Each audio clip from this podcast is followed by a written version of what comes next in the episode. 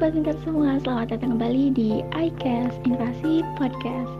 Ya, pada episode kali ini, izinkan aku, Laura, dari Fakultas Perikanan dan Ilmu Kelautan, selaku moderator untuk memandu jalan iCast episode ke-16 ini. Salam kenal Sobat Pintar semua. Nah, pada episode ke-16 ini, tema yang akan kita angkat merupakan sebuah tema yang kerap kali ramai dibicarakan oleh Kema Unpad, tapi bukan dari Kema Unpad aja nih Sobat Pintar, melainkan juga Kema dari universitas yang ada di Indonesia. Mungkin langsung spill aja kali ya tema yang akan kita angkat yaitu How to be successful in Isabu Your Leader Summit 2022. Tema yang sangat unik untuk diangkat sebagai sebuah diskusi yang di mana ini merupakan salah satu wadah buat kita semua khususnya bagi Kema Unpad supaya tidak takut untuk memulai hal-hal baru dan tentunya baik untuk kita. Nah, guna menemani kita berbincang terkait hal itu, iCast kedatangan salah satu mahasiswa yang sangat berprestasi yaitu Kang Lasman atau yang lebih akrab disapa sebagai Lasman selaku delegasi Isabu Your Leader Summit 2022 sebagai narasumber kali ini. Halo Kang Lasman. Halo Teh Laura, Laura, gimana kabarnya? Alhamdulillah, Kang Lasman gimana kabarnya? Alhamdulillah baik, semangat banget buat hari ini. Semangat banget nih Kang. By the way, gimana nih? Aku enaknya manggil Kang, Kak atau apa ya? Kang boleh Teh. Baik, Kang Lasman. Senang sekali rasanya bisa berbagi ruang diskusi sama Kang Lasman pada siang hari kali ini. Nah, mungkin untuk memulai perbincangan kali ini, boleh banget nih Kang untuk memperkenalkan diri terlebih dahulu supaya kita tahu tentang Kang Lasman secara mendalam. Boleh kan? Oke, okay, thank you buat Laura atas kesempatannya. Halo Kema Unpad, kenalin aku Lasman, aku merupakan mahasiswa program studi di Ilmu Hukum Fakultas Hukum Universitas Pajajaran. Aku angkatan 2020 dan sekarang berada di semester 4 dan kebetulan aku merupakan salah satu delegasi di program kepemudaan sekaligus program konferensi internasional di Istanbul Youth Leader Summit 2022. Berarti Kang Lasman ini merupakan mahasiswa ilmu hukum angkatan 2020 dan sekarang lagi semester 4 dan Kang Lasman ini menjadi salah satu delegasi di program kepemudaan dan program konferensi internasional di AYLS 2022. Oke nih Kang, kalau sekarang Kang Lasman ini lagi sibuk apa sih? Oke, untuk kesibukan aku sendiri sebenarnya sekarang nggak terlalu banyak dan sehektik semester-semester sebelumnya. Sekarang aku lebih banyak aktif di organisasi di luar kampus seperti itu. Pertama, aku merupakan founder sekaligus presiden dari komunitas pendidikan nasional Satu Mimpi Indonesia. Ini adalah komunitas yang berorientasi pada inklusivitas pendidikan khususnya bagi para pelajar di Indonesia spesifiknya lagi pada para pelajar di rural area, daerah desa dan daerah 3T untuk dapat mempelajari soft skill soft skill yang berkaitan dengan 21st century skills atau keahlian di abad ke-21 dan juga untuk mempersiapkan mereka dalam mengikuti berbagai kompetisi yang relevan.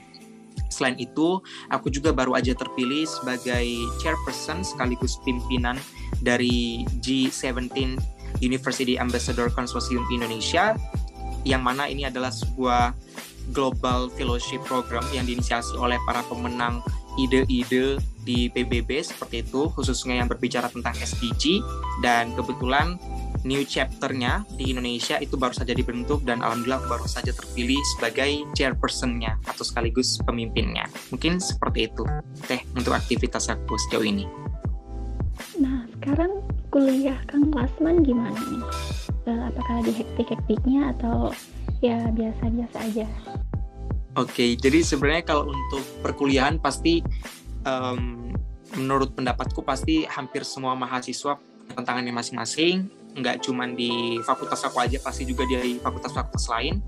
Kebetulan karena aku juga kemarin baru pulang dari Turki sekitar dua minggu dan ya jadi salah satu tantangan dan juga resiko yang memang harus aku terima dan aku selesaikan seperti itu.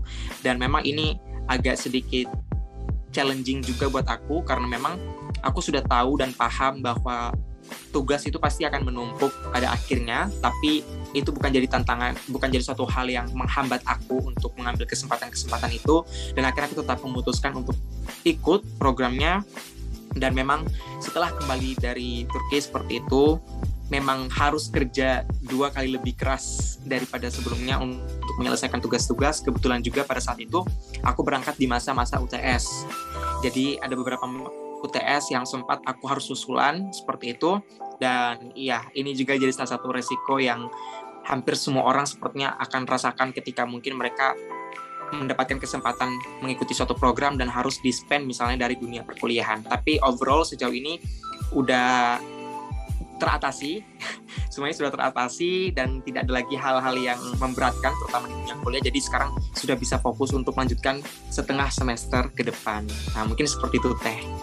Oke Kang, berarti overall aman ya Kang sudah diatasi. Intinya berani berbuat, berani bertanggung jawab ya Kang.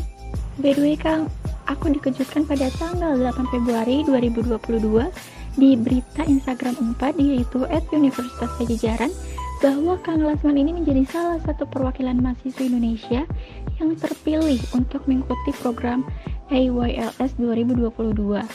Nah, sebelum kita tanya-tanya nih uh, ke akar-akarnya, sebenarnya AYLS itu apa sih Kang? Atau Istanbul Youth Leader Summit 2022 itu?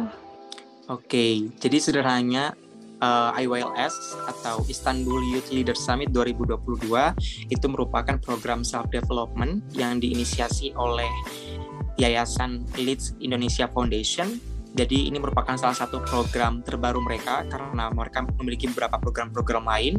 Salah satunya juga adalah beasiswa dari Leeds Foundation ini, tapi yang ini merupakan program terbaru mereka dan ini juga kebetulan angkatan pertama. Jadi sederhananya Istanbul Youth Summit 2022 ini merupakan wadah di mana para pemuda bukan cuma pemuda Indonesia yang ada di Indonesia, bahkan pemuda Indonesia yang ada di luar negeri pun berpartisipasi berpartisipasi di kegiatan ini karena memang kegiatan ini memang diusung untuk meningkatkan partisipasi antar pemuda dan juga membangun konektivitas dan juga jejaring sesama pemuda dalam hal menyelesaikan masalah-masalah yang levelnya itu internasional dan juga nasional seperti itu. Tetapi fokusnya lebih banyak ada kaitannya terhadap SDG seperti itu. Dan kebetulan kemarin itu ada sekitar lima isu yang menjadi fokus dari Istanbul Youth Leader Summit 2022.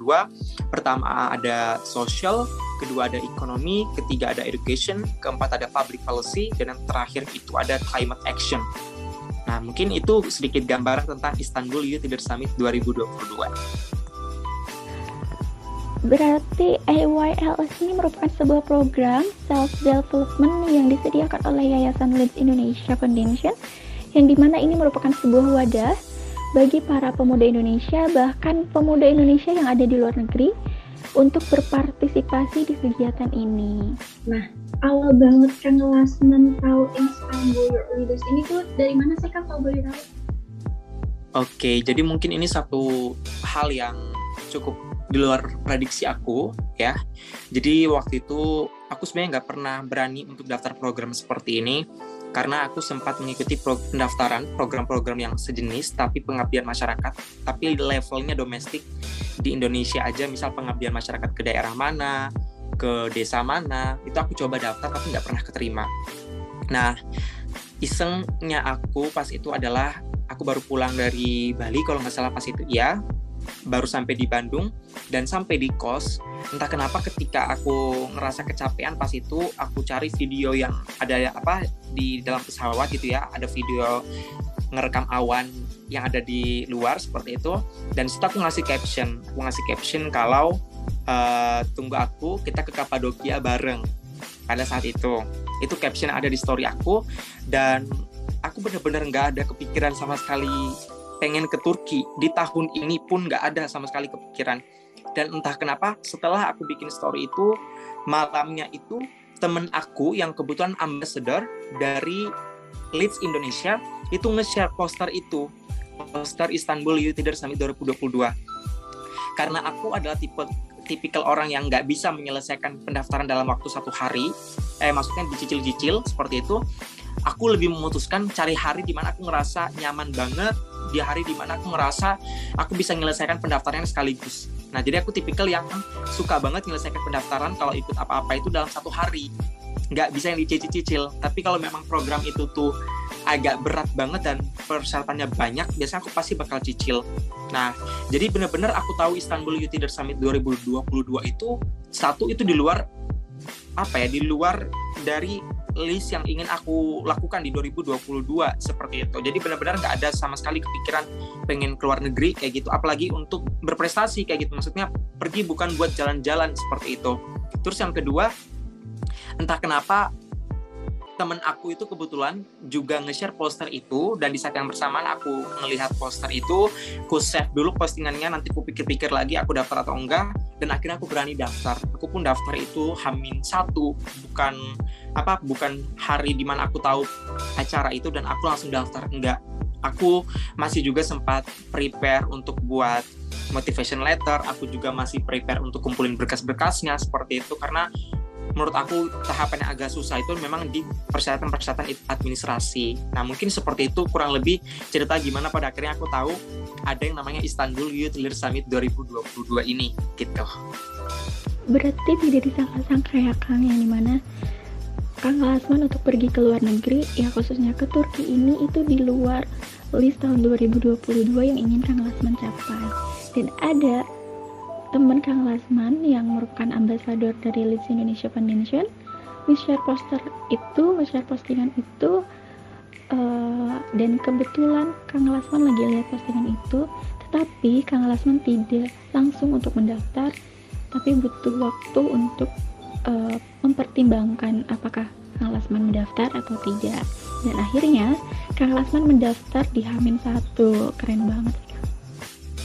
Ya bener bener banget tapi keren banget sih Kang Oke, sekarang apa sih motivasi Kang Lasman untuk ikut acara AYLS 2022 ini? Oke, kalau dari aku pribadi untuk motivasinya sebenarnya nggak yang ini ya, yang luar biasa banget gitu ya. Karena aku pribadi anaknya gampang penasaran dan aku gampang apa ya curiosity-nya tinggi, rasa ingin tahunya tinggi gitu, suka ngerasa tertantang ya. Jadi kadang kalau ikut suatu program tuh kadang nggak terlalu fokus ke benefit apa yang bakal didapat kayak gitu, tapi lebih kayak berani nggak daftar gitu ya, berani nggak nih daftar gitu kan. Sebelum-sebelumnya karena punya pengalaman dan punya trust issue terhadap program-program sejenis, jadi kayak ngerasa, aduh mungkin hasilnya paling ya mirip-mirip kayak kemarin-kemarin lagi gitu kan sempat mikir kayak gitu. Jadi akhirnya motivasinya itu lebih kayak pengen pembuktian aja ke diri sendiri kalau at least lu berani daftar gitu.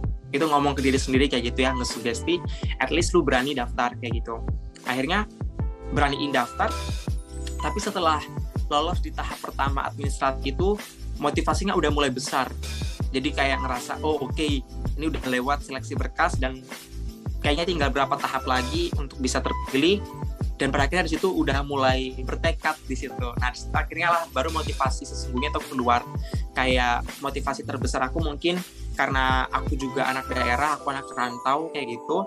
Dan kebetulan aku juga suka aktivitas outdoor kayak gitu. Jadi aku ngerasa kayak hal-hal yang pas, masih punya kaitan dengan pendidikan, masih punya kaitan dengan self development, tapi dilakukan di outdoor itu kesukaanku banget.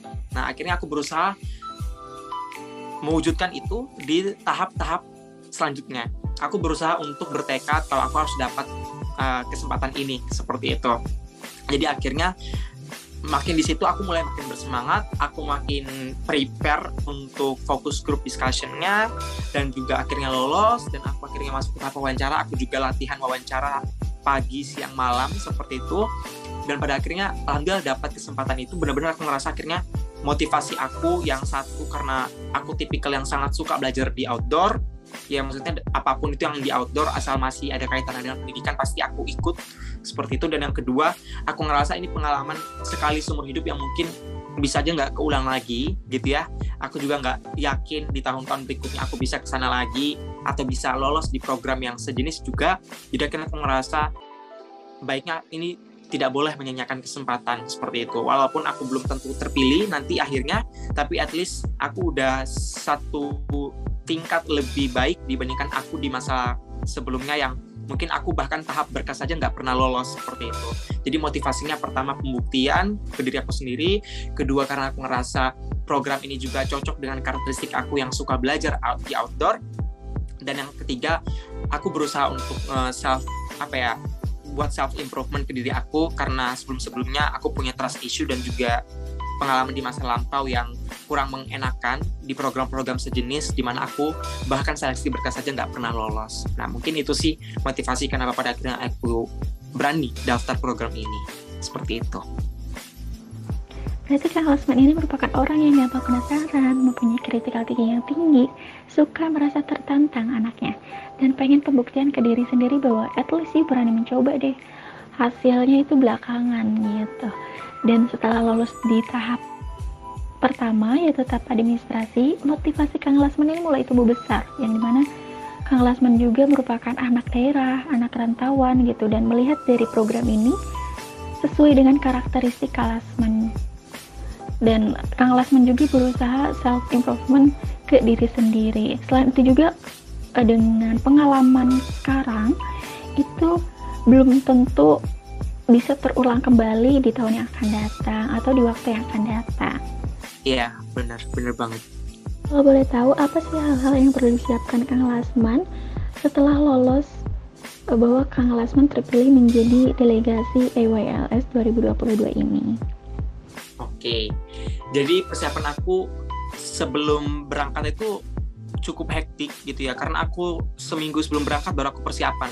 Ini benar-benar hal yang tidak patut ditiru seperti itu karena memang pada saat itu lagi hektik-hektiknya um, banyak tugas juga hektik-hektiknya lagi ada urusan lain seperti itu. Dan kalau persiapan keberangkatan itu sebenarnya dari pihak Leeds Indonesia itu sudah memberikan pembekalan. Jadi kita itu punya sesi pembekalan. Jadi bagi para delegasi yang telah terpilih sudah fix akan berangkat, maka kita diadakan kita akan diakomodasi pembekalan seperti itu. Nah, di pembekalan itu kita banyak belajar. Kita mulai dari pembekalan tentang administrasi seperti kayak persiapan paspor, kemudian juga berkas-berkas penting yang harus dibawa, misalnya seperti itu. Kemudian juga pembekalan terkait presentasi SDGs, kemudian persiapan bahasa, kita juga sempat juga persiapan bahasa Turki seperti itu, walaupun cuma satu kali pertemuan seperti itu. Tapi yang aku salut adalah memang Leeds Indonesia berusaha untuk mengakomodasi para delegasinya sebaik mungkin. Padahal ini adalah angkatan pertama mereka dan aku merasa treatment yang diberikan oleh Leeds Indonesia itu luar biasa bagus dalam hal pemberang persiapan pemberangkatan bagi delegasi. Nah, kalau secara pribadi bagi aku pribadi, kita itu dikasih rentang waktu itu sekitar satu bulan untuk pembuatan uh, satu bulan dari tanggal terpilih hingga tanggal berangkat. Nah, satu bulan ini diharapkan para delegasi ini bisa mempersiapkan untuk pembuatan paspor. Ini yang jadi salah satu persiapan yang tersulit buat aku. Jadi kalau untuk masalah persiapan seragam segala macam tuh nggak terlalu susah. Tinggal paspor ini yang menurut aku benar-benar agak susah buat aku karena untuk pembuatan paspor sekarang via online semua seperti itu. Mungkin ada Kema nanti yang mungkin juga akan berangkat luar negeri tapi belum tahu seperti itu ya.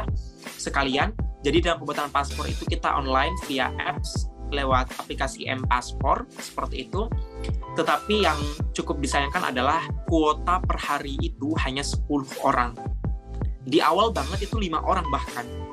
Dan kita harus bersaing dengan masyarakat sebandung raya seperti itu ya sebandung raya karena aku di Sumedang paling deket kalau mau bikin paspor itu ke Bandung.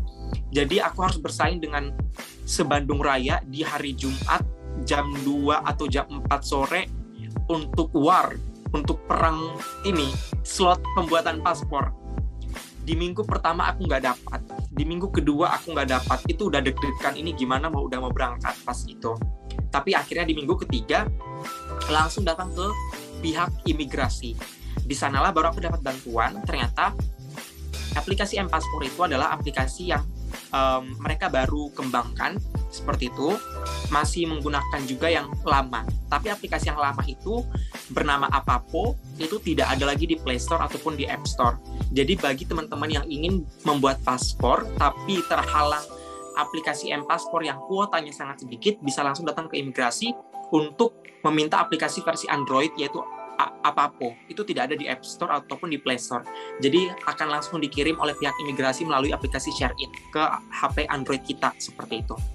Itu benar-benar luar biasa banget uh, perjuangannya karena aku juga berusaha menghindari kontak dengan banyak orang pada saat itu karena benar-benar aku takut banget nggak bisa berangkat hanya karena negatif ya negatif covid uh, positif covid sorry aku takut banget walaupun udah bikin paspor ternyata nanti aku terlalu banyak interaksi dengan orang itu bakal jadi apa ya ketakutan aku tersendiri. Dan bener aja aku harus bolak-balik banget bolak-balik Jatinangor Bandung selama tiga minggu berturut-turut itu hanya untuk ngurusin paspor. Alhamdulillah itu sekitar satu minggu sebelum berangkat paspor aku udah jadi kebetulan udah jadi dan lewat aplikasi apa pun itu juga dan bantuan dari pihak imigrasi aku bisa menyelesaikan pembuatan paspor itu sebelum keberangkatan. Karena ada ada aja pasti di acara-acara seperti itu yang mungkin delegasinya telat ataupun delegasinya terhalang administrasi bisa jadi nggak berangkat seperti itu. Itu sih mungkin salah satu apa ya persiapan keberangkatan aku yang cukup kompleks tapi kalau dari pihak Leeds Indonesia sudah luar biasa banget. Dan bahkan aku rasa tidak semua penyelenggara bakal melakukan pembekalan-pembekalan yang mungkin seintensif itu. Jadi aku pribadi sangat bersyukur secara pribadi aku terbantu dan aku pun juga masih punya insentif untuk mempersiapkan hal-hal pribadi aku termasuk paspor tadi. Nah mungkin seperti itu teh. Nah dengan pengalaman Kang Lasma tadi itu bisa menjadi pembelajaran buat sobat pintar yang ada di rumah ya. Boleh dong Kang untuk kasih tips and trick buat kema unpad umumnya buat mahasiswa yang ada di Indonesia ini supaya bisa lolos di event EWLS di tahun yang akan datang. Oke, nah mungkin hal yang pertama kalian harus follow Leads Indonesia-nya. Oke, follow Instagramnya. Kalau nggak di follow, nggak tahu informasinya. Oke, itu tips pertama. Mungkin sederhana, tapi I hope teman-teman ya bisa langsung follow IG-nya dan teman-teman nanti bisa tunggu informasinya. Dan kebetulan ya, kebetulan nih aku dapat bocoran kalau pelaksanaannya akan diinformasikan dalam waktu dekat ini seperti itu. Jadi teman-teman nih mas semua nanti yang dengerin podcast ini bisa langsung nanti cek Instagram Leads Indonesia. Kedua, oke ini akan mulai serius nih tentang tips and trick kalau teman-teman pengen terpilih. Pertama, kita harus tahu bahwa pendaftar di acara itu tuh banyaknya. Di angkatan pertama aja, di angkatan pertama itu 230 pendaftar yang diberangkatkan untuk ke Turki secara gratis itu ada lima orang, termasuk aku. Nah, di angkatan pertama itu lima orang jatah untuk fully funded delegation atau delegasi full akomodasi, termasuk aku. Dan di situ memang penilaiannya itu dinilai sampai tahap akhir dan pembuktiannya dari tahap wawancara. Jadi memang kalau aku pribadi memberitahu kepada teman-teman semua, sistem seleksi program-program seperti ini biasanya menggunakan sistem eliminasi. Jadi kalau teman-teman di tahap berkas tidak lolos, mau tidak mau tidak lolos juga untuk masuk ke tahap kedua, yaitu tahap FGD atau Focus Group Discussion. Uh, sorry, LGD, Leader, Leaderless Group Discussion. Kemudian, kalau di tahap kedua LGD pun teman-teman tidak lolos atau tidak tampil dengan performa yang bagus, maka teman-teman juga tidak bisa maju ke tahap ketiga wawancara. Begitu pula, kalaupun kita masuk di tahap wawancara, belum tentu juga kita akan terpilih untuk berangkat ke Turkinya.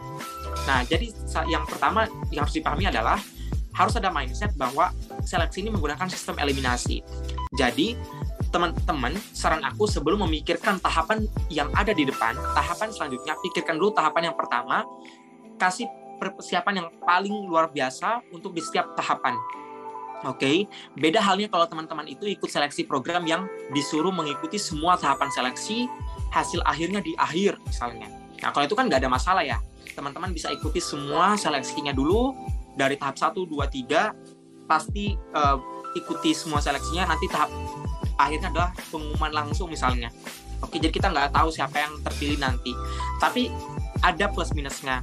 Nah kalau pribadi ada di tahap yang eliminasi ini dari 230 pendaftar itu yang masuk ke tahap fokus group discussion eh, yang yang lolos tahap berkas itu 100 orang Oke, okay? dari 100 orang ini berhak untuk mengikuti tahap leaderless group discussion. Nah, di tahapan itu kita bakal memilih satu topik di antara lima topik yang sudah aku sempat mention di awal. Ada social, public policy, economy, education, sama climate action. Nah, untuk yang pertama, kalau tips dari aku untuk yang persiapan berkas, karena yang diminta itu adalah data diri dan motivation letter. Motivation letter itu minimal 500 kata. Bikin motivation letter itu harus latihan kita harus sering-sering latihan bikin motivation letter dan kita harus tahu struktur yang paling bagus tuh seperti apa.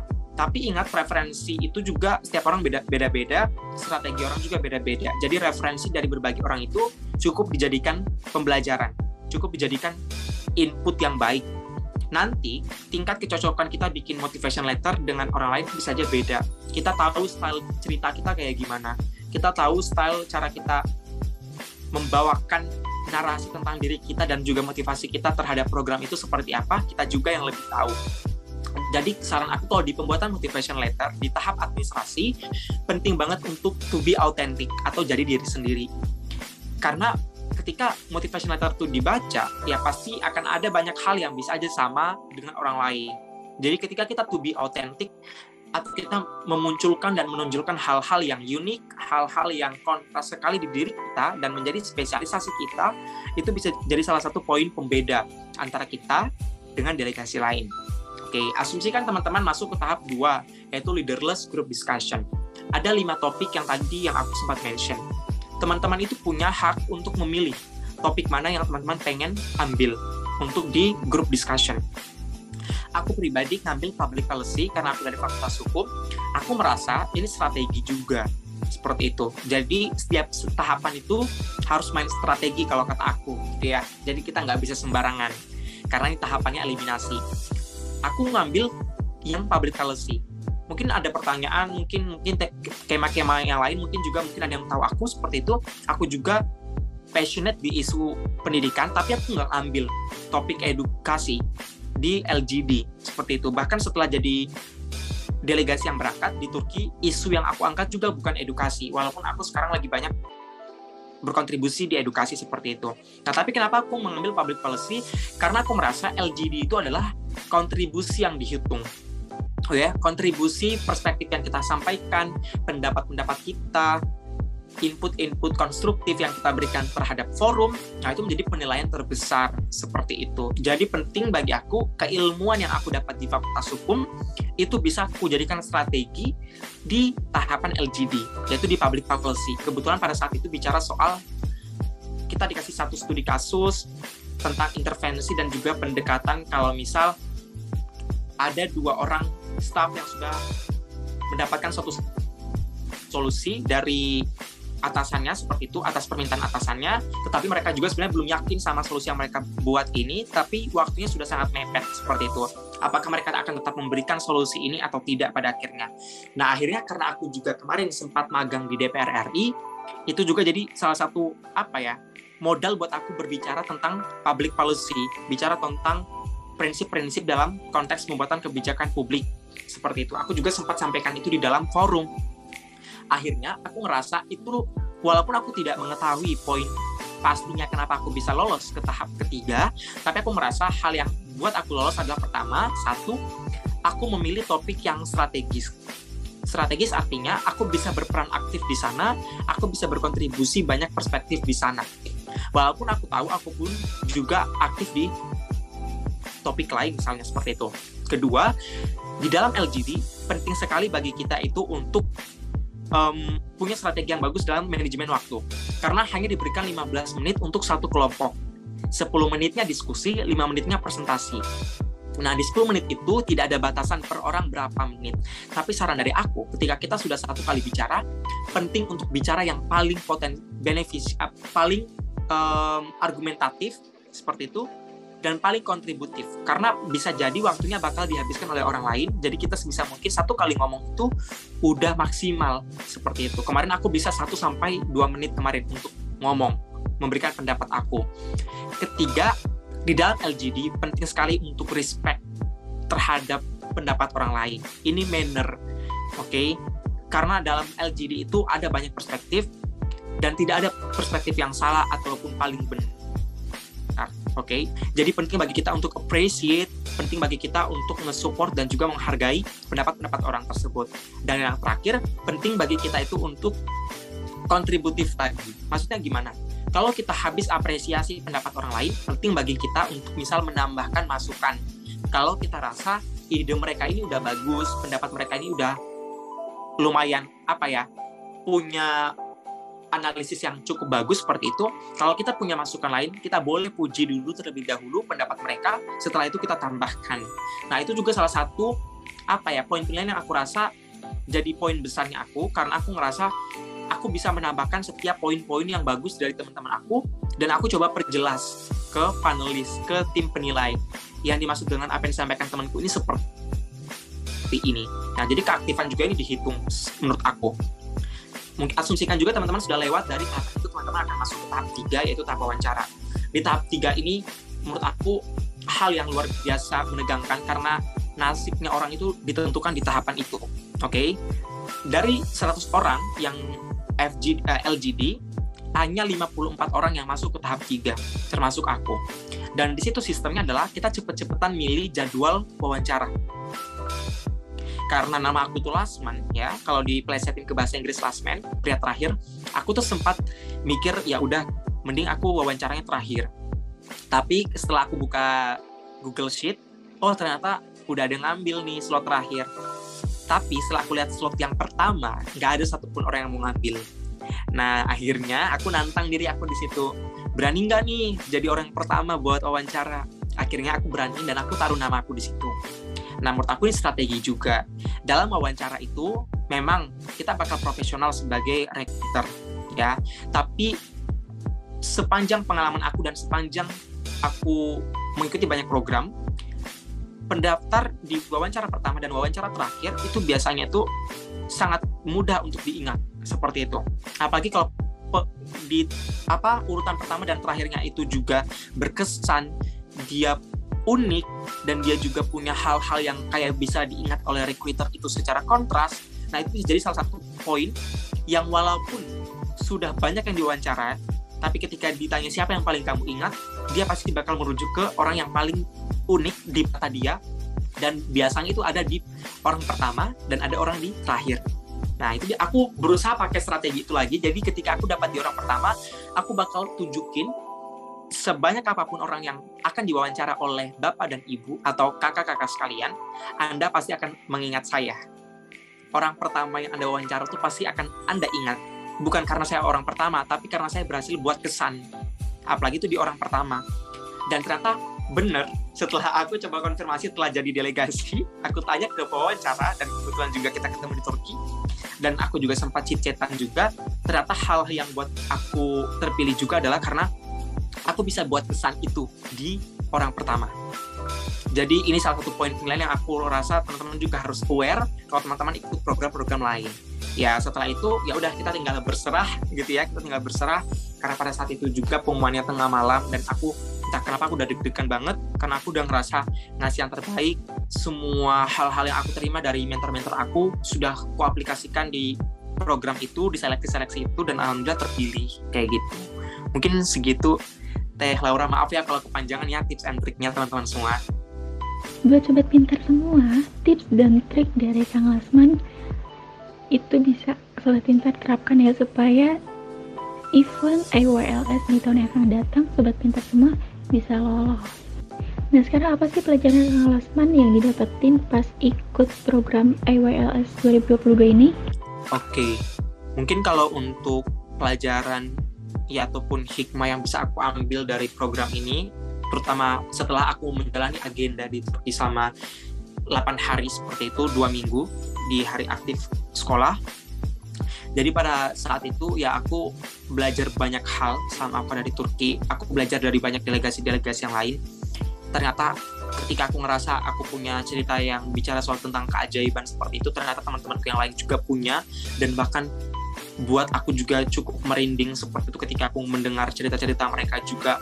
Kenapa pada akhirnya mereka bisa sampai ke Turki dan ketemu aku juga dan aku ketemu mereka seperti itu.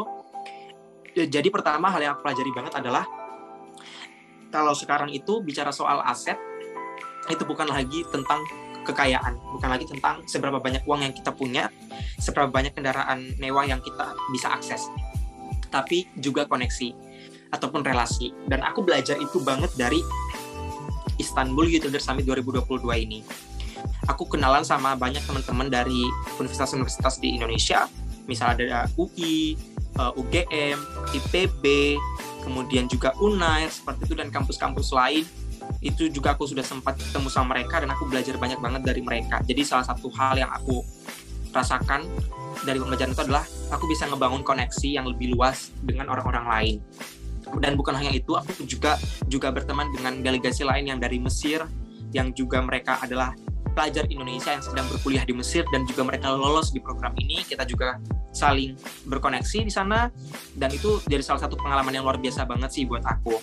Terus yang kedua mungkin yang bisa aku pelajari dari perjalanan aku di Istanbul Youth Leader Summit 2022 adalah aku akhirnya semakin percaya kayak gitu. Kalau impian tuh benar-benar senyata itu gitu jadi ketika orang itu sudah mulai berani membuat mimpi, maka di saat yang bersamaan Tuhan itu berikan kekuatan untuk kamu, untuk kita itu mewujudkan mimpinya.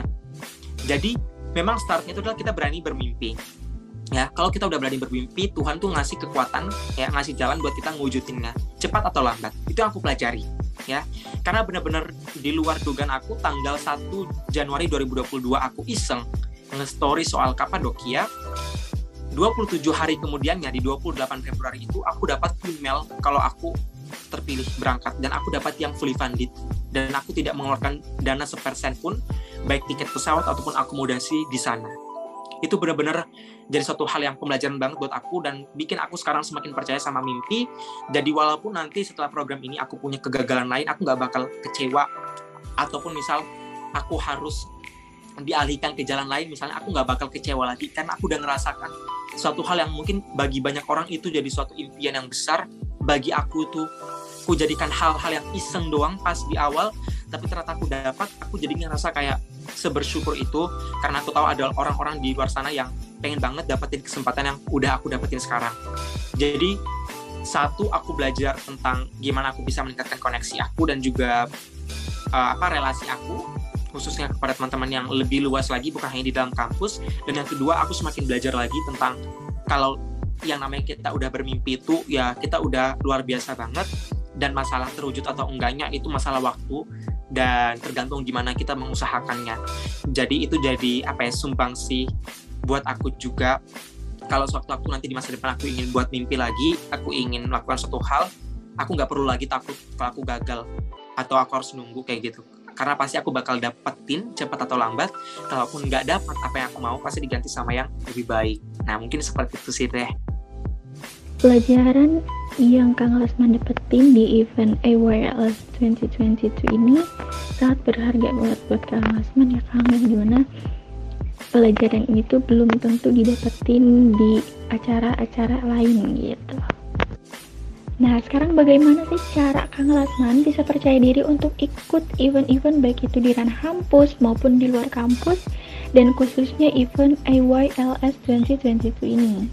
Oke, nah ini sih menurut aku yang masalah banget ya buat banyak orang sih masalah percaya diri atau confident ini. Maksudnya percaya diri itu bukan berarti kita harus apa ya, harus abai terhadap respon orang. Bukan berarti kita tuh harus apa ya, uh, apa ya bahasanya itu bahkan kita sama sekali tidak mau mendengarkan orang lain. Dan kita ngerasa percaya diri ini ya udah as long as kita nyaman ya udah kita lakuin apa pun yang kita mau seperti itu. Sebenarnya juga bukan seperti itu. Jadi menurut aku percaya diri adalah situasi di mana kita tuh bisa memberikan banyak afirmasi positif buat diri kita. Atau kita membangun vibes yang baik buat diri kita sendiri seperti itu. Karena kita tahu belum tentu lingkungan bisa ngasih vibes yang positif buat kita. So karena itu karena hal itu mau tidak mau kita harus bikin vibes itu positif buat diri kita sendiri aku pribadi sering banget ngomong ini ke banyak orang ke banyak orang ke banyak kesempatan orang itu nggak percaya diri bukan karena mereka nggak pintar tapi karena mereka jarang atau bahkan tidak pernah ngasih afirmasi ke diri mereka sendiri. Kenapa aku bisa bilang kayak gini? Aku ngerasa dan aku sudah mengobservasi banyak orang. Orang-orang yang cenderung percaya diri itu orang-orang yang cenderung progresif ya. Mereka punya vibes positif yang sangat keluar sekali apa auranya. Kelihatan sekali seperti itu. Jadi kalau kita deket sama orang seperti itu tuh enak sekali. Ngerasanya tuh nyaman banget kalau deket sama orang seperti itu. Atau kita berteman dengan mereka. Karena kita ngerasa kalau deket sama mereka hal-hal yang keluar dari pembicaraan atau hal-hal yang keluar dari obrolan itu adalah sifatnya konstruktif, membangun seperti itu, support kayak gitu. Jadi aku ngerasa percaya diri ini bukan karena kita nggak pinter sebenarnya, karena itu kan yang jadi hambatan orang-orang kalau mau daftar program. Misalnya pertukaran pelajar, oh aku nggak pintar bahasa Inggris, atau misalnya mereka mau daftar program ini, oh aku nggak bisa, aku nggak pinter ngomong. Kayak gitu. Ya mungkin benar, spesialisasi itu berpengaruh terhadap keputusan orang untuk mendaftar atau tidak. Ya, kompetensi orang juga itu bisa berpengaruh terhadap apakah dia berani daftar atau tidak. Benar. Tapi ada banyak hal itu bisa diusahakan Nah masalahnya hal-hal yang bisa diusahakan ini kadang diabaikan gitu aja hanya karena mereka nggak pede. Oke, okay. mungkin mereka nggak, mungkin mereka mengakui mereka secara kompetensi nggak mumpuni di bidang itu. Tapi mereka tahu itu juga masih bisa diusahakan. Tapi mereka nggak ngambil opsi itu. Hanya karena mungkin mereka merasa uh, nggak pintar. Padahal bukan karena mereka nggak pintar. Aku ngerasa masalah mengusahakan itu bukan masalah kamu pintar atau enggak, atau kamu berkompetensi atau enggak, ya. Tapi karena kamu bisa ngafirmasi diri kamu untuk coba usahain. Nah, aku ngerasa itu yang bikin orang-orang tuh percaya diri karena mereka punya afirmasi itu. Mereka suka memunculkan afirmasi-afirmasi, aku bisa kok, aku bisa ngusahain. Kayak gitu. Karena aku pribadi di program ini pun gak ada keharusan bisa bahasa Inggris. At least bisa conversation, kayak gitu.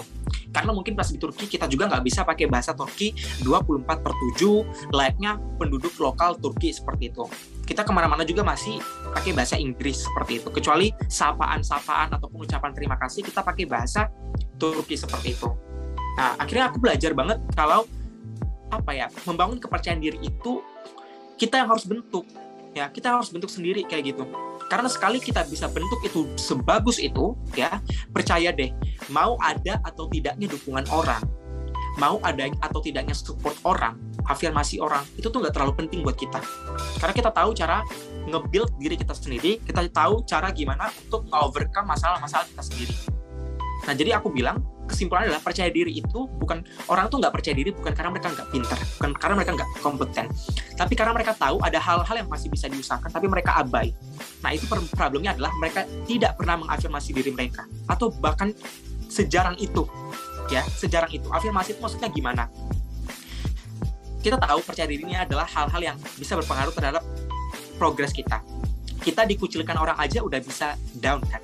Kita diremehkan oleh orang-orang terdekat kita aja udah bisa demotivasi atau regress misalnya seperti itu atau penurunan performa misalnya. Ya, tapi ya di saat yang bersamaan afirmasi ini ya satu-satunya cara buat kita bertahan. Contoh kalau aku pribadi, aku suka banget yang namanya self control. Ada dua, yaitu self suggestion sama self talk kalau self talk ini mungkin kalian pernah denger lah, tapi aku bukan anak psikologi. Mungkin Kema di sini ada anak psikologi nih ya. Nah, kalau di self itu aku sangat suka ngeapresiasi diri aku by vokal. Jadi aku sering banget kayak muji diriku sendiri. Walaupun aku sendirian di kos misalnya, aku lagi kecapean atau aku lagi selesai wawancara apa misalnya, lagi selesai daftar apa, aku pasti bakal muji diri aku. Kayak aku bakal bilang, lu keren banget hari ini. Oke, okay? lu udah bisa nyelesain semua persyaratannya gitu lu udah bisa ngejar deadline misalnya seperti itu. Lu keren banget kayak gitu. Walaupun aku tahu itu terseok-seok walaupun aku tahu itu capek mungkin aku tahu hal-hal yang kayak gitu tuh bisa bisa aja ganggu performa aku buat kuliah misalnya karena aku terlalu kecapean.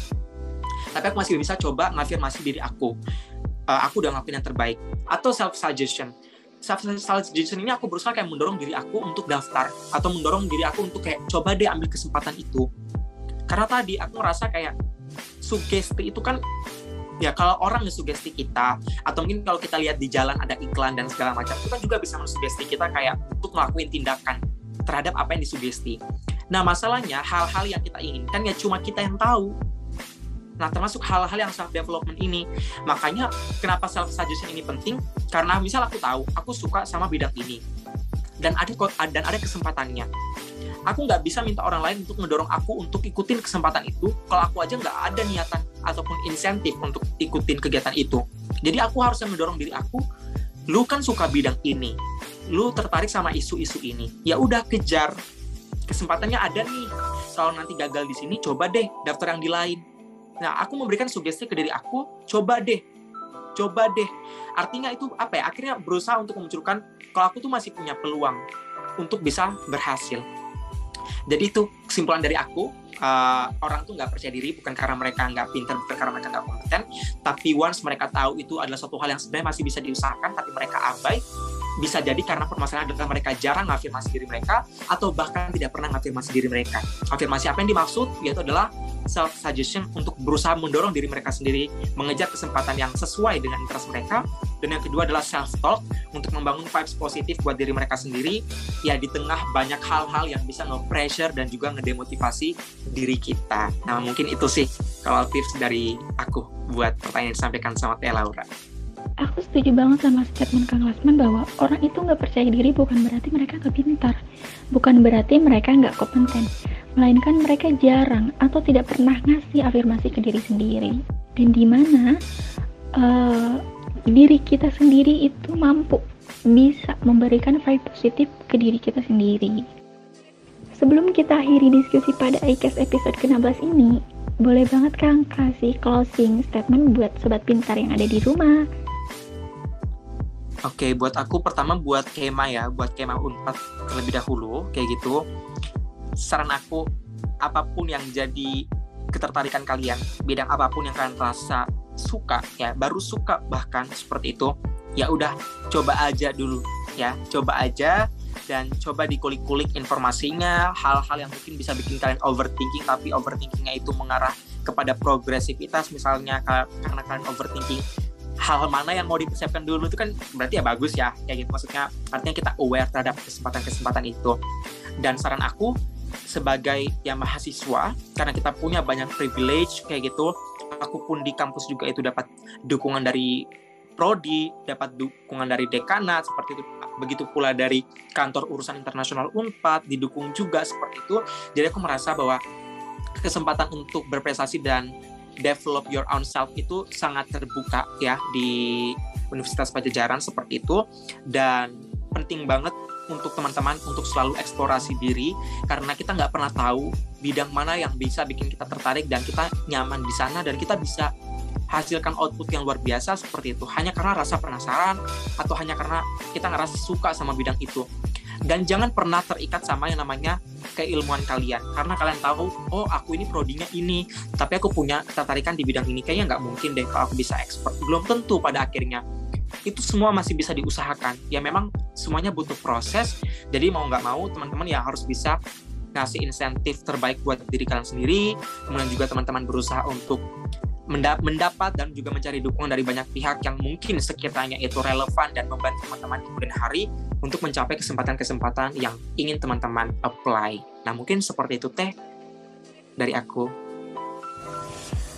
Closing statement yang sangat bermanfaat buat sobat pintar semua yang di mana apa pun yang menjadi ketertarikan kalian, apa pun yang membuat sobat pintar suka, walaupun sobat pintar baru saja suka, it's okay, you can do it. Dan sobat pintar jangan tergantung pada keilmuan sobat pintar yang di mana kita nggak tahu bahwa apakah keilmuan yang kita tekuni, yang kita pelajari cocok dengan karakter kita, cocok dengan vision kita. Maka dari itu, sobat pintar harus banyak-banyak mengeksplor diri untuk menghasilkan output yang luar biasa pada diri kita. Terima kasih banyak Alasman telah menyempatkan diri untuk mengobrol bareng di Invasi Podcast episode ke-16 ini. Seru banget tadi Kang ngobrolnya. Semoga perbincangan kita mengenai tema tadi dapat membawa manfaat kepada sobat pintar ya. Nah, makasih juga buat sobat pintar yang udah dengerin perbincangan kita kali ini. Jangan lupa dengerin episode-episode sebelumnya dari podcast pintar di Spotify Invasi Podcast. Dan cek juga Instagram kita di @unpad.pintar. Saya Laura pamit undur diri dan sampai jumpa di iCast episode-episode selanjutnya. Dadah!